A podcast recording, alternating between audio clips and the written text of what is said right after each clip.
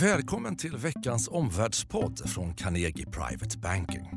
Omvärldsstrategerna Helena Haraldsson och Henrik von Sydow belyser tre händelser inom makro och politik som påverkar de finansiella marknaderna. Skolavslutningstider. Omvärldspodden sänder direkt från plan 13 på Carnegie i gamla fina Ekmanrummet. Henrik von Sydow här, Helena Haraldsson mitt emot mig. Veckans tre ämnen är det här. 1. Fed signalerar fler höjningar. 2. Europa. Spansk krisbank. Och sista frågan. Finland i regeringskris. Hur står det till med den politiska stabiliteten i Norden? Helena, den första frågan. Fed höjde räntan igår kväll klockan åtta och de kom också med nya prognoser och Yellen höll en presskonferens. Eh, vad var de viktigaste budskapen för marknaderna? Ja, det var faktiskt att de höjde precis som förväntat. Det var fjärde höjningen, den andra i år.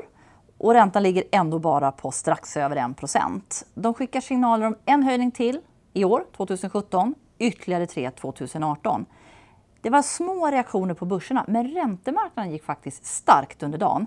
Marknaden tror nämligen inte på Feds räntebana. De tror på betydligt färre räntehöjningar. Varför är investerare och marknaden så lugn på detta? Det finns nog fler förklaringar, men Fed kom ju också med prognoser som du nämnde Henrik igår. Och det var inga stora förändringar, men en sak var intressant. De tror på fortsatt ganska låg inflation trots en allt starkare jobbmarknad. Men kanske ännu viktigare var gårdagens överraskande låga inflationssiffra. Och lite av ett mönster vi har sett. Flera månader nu har inflationssiffrorna varit lägre än väntat och det håller långa obligationsräntor låga. Mm. Fick vi några andra signaler om åtstramningar än just räntehöjningar? Ja, det fick vi. Eh, Fed har pratat om sin balansräkning men igår kom de med en tydlig plan och detaljer för hur de ska minska sin balansräkning. Alltså inte återinvestera alla obligationer och kuponger då som förfaller. Trots att de använder ordet gradvis så innebär den här ganska detaljerade planen att mer åtstramningar kommer och sannolikt med start i höst mm. efter mötet i september. Så vad är din slutsats efter Fed-mötet? Jo, både Feds räntebana och planen för balansräkning innebär faktiskt att marknaden kan bli överraskad av graden av åtstramning längre fram. Gällen vill nog gärna höja så länge ekonomin tål det. Helena, den andra frågan då. Det är lyssnare till podden har hört av sig och vill veta mer om Spanien och Europa då förstås. Eh, det har varit aktuellt i veckan, bland annat då genom den spanska banken Banco Popular eh, som hamnade i akut kris. Aktieägarna förlorade pengar, men bankaktierna i Europa steg. Förklara det. Ja, det stämmer faktiskt. Det är själva hanteringen av krisbanken som lugnar marknader. Inga skattepengar användes. Utan den här krisbanken, då, Banco Popular, köptes av den andra stora spanska banken, Santander. ECB inrättade nämligen vid finanskrisen en myndighet, eller en division kan man säga, som ska hantera just bankproblem utan att det ska belasta skattebetalarna. Det här var det första riktiga testet och det lyckades. Men om investerare nu börjar oroa sig för att fler banker kanske är i kris, är inte det negativt? Ja, det är inte så att det är fler banker som har fått problem efter den här lyckade processen då, men visst kan fokus på svaga banker öka. Och det är lite svårt att bedöma hur marknaden skulle reagera på en snabbare konsolideringstakt i banksektorn då. Men på lång sikt så är det definitivt positivt. För att om svaga banker försvinner, då går sektorn ner i, eller risken ner i sektorn. Och starka banker lånar ju hellre ut pengar så då är det dessutom positivt för den ekonomiska tillväxten. Mm, du låter rätt optimistiskt. Ser du inga orosmoln alls? Jo, om vi mot förmodan skulle få se sparare som börjar ta ut sina pengar från svaga banker för att de blir oroliga, då skulle vi kunna få en förvärrad situation i något enskilt fall. Men det är precis därför vi har dels insättargarantin som i hela EU, alltså i varje land, ligger på 100 000 euro. Det är nästan en miljon svenska kronor per person och bank. Det är för att trygga det här. Det andra är ju, det är därför man nu söker lösningar för att få ner den här oron. Till och med Italien som har svaga banker för ju nu intensiva diskussioner med EU som ser ut att det kan vara lösningar nära. Mm, vad tycker du slutsatsen har med sig framåt för investerare? Ja, den är absolut att en konsolidering i Europas banksektor som resulterar i färre svaga banker, det är positivt på sikt. Både för bankaktier men också för ekonomisk tillväxt. Ja, Henrik, det är även spännande inom politiken. Vi har sett en regeringskris i Finland i veckan och på förmiddagen så har allianspartierna i Sverige hotat fälla finansministern. Hur står det egentligen till med den politiska stabiliteten i Norden?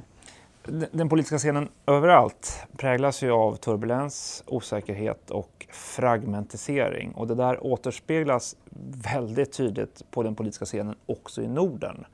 Här har vi ju sett då över decennier så att säga, liksom framväxten av populistpartier både till höger och vänster. Eh, sitter till och med i regeringen i Norge och eh, jag höll på att säga fram tills igår då, i Finland. Eh, det är en stökig situation där just nu.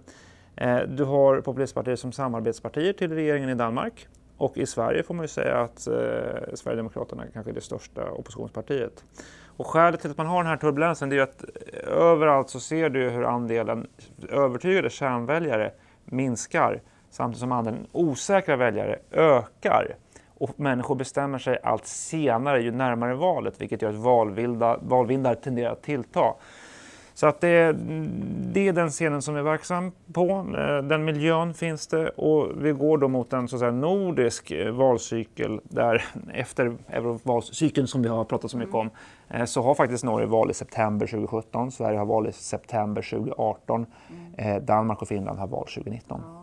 Om man är sparare och investerare, Henrik, hur orolig ska man vara kring den här turbulensen? Alltså, du har en insikt att överallt så, så, finns det en viss osäkerhet kopplat till politik. Politiken är inte längre en källa till stabilitet utan just en källa till turbulens och rubriker och, och osäkerhet. Samtidigt är det så att tittar du just på Norden så tar valsystemen ner riskerna något och det beror på att det är proportionerliga valsystem. Proportionerliga valsystem till skillnad från majoritetsval eller så att säga presidentval eh, innebär faktiskt mindre risk. Det proportionella valsystem är kuddar mot extremism och kuddar mot, mot populism också. Titta på det franska presidentvalet eller det amerikanska presidentvalet. Det var väldigt tydliga riskpunkter. Mycket makt eh, på spel vid ett tillfälle, två kandidater mot varandra, det blir oftast jämnt. Små eh, majoriteter kan ja, få en väldigt stor skillnad, som i Trump om man tittar på det. Ehm, så att Eh, valsystemet spelar roll, det tar ner riskerna. Det institutionella ramverket, oberoende myndigheter, domstolar, alltihopa det här är väldigt stabilt i Norden. Det tar också ner riskerna. Eh, notera också att de nordiska länderna är länder med låga statsskulder. Sammantaget så minskar det där eh, populism som ekonomisk risk i, eh, i Norden. Det finns skäl tycker jag att följa Finland noggrant. Där, där är ett, eh, dels handlar det faktiskt om strukturreformer som är på spel. Det har ju center-högerregeringen gått fram med. Det behöver Finland. Eh, och, och, å andra sidan så finns det en framväxt nordisk protektionism faktiskt i, i Finland och eh, ja, en ganska stark eh, populism då i, i detta parti Sannfinländarna. Så håll lite särskilt koll på Finland, mycket som står på spel där. Ja, det blir spännande här vad vi har framför oss. Hur, hur kommer det här landskapet att förändras tror du Henrik? Alltså, om man går mot en nordisk valcykel så kan vi nog räkna med ett par saker. Dels vi kan räkna med fortsatt turbulens, massa rubriker som kommer skapa en osäkerhet om vilka konstellationer som faktiskt eh, ska regera de nordiska länderna. Jag tror också att vi kan räkna, det är den andra insikten, vi kan räkna med nya konstellationer. Eh, titta på Sverige, vi är i en ny konstellation. Titta på Finland, det är en ny regeringskonstellation. Titta på Norge, en ny regeringskonstellation där också. Den tendensen kommer, eh, tror jag, bara att fortsätta.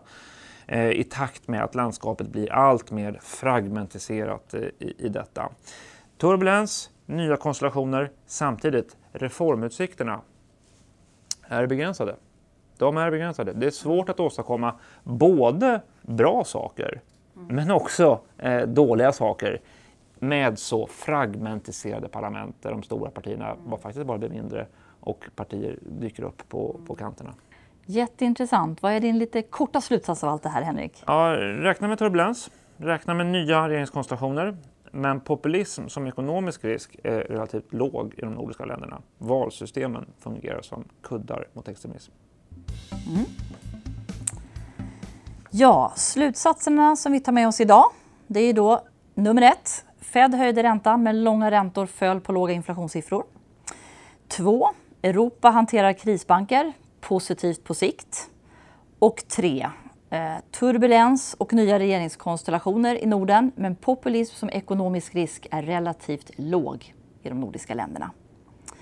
Vi har i dagarna kommit ut med ett nytt fräscht nummer av vårt magasin Insikt från Carnegie Private Banking. Saknar ni läsning till hängmattan så är detta ett ypperligt förslag. Mycket matinformation. På återhörande. Tack för att du har lyssnat på Omvärldspodden från Carnegie Private Banking. Vill du veta mer om vad som händer i vår omvärld och få aktuella idéer till affärer? Gå då in på www.carnegie.se veckans viktigaste och prenumerera på vårt nyhetsbrev.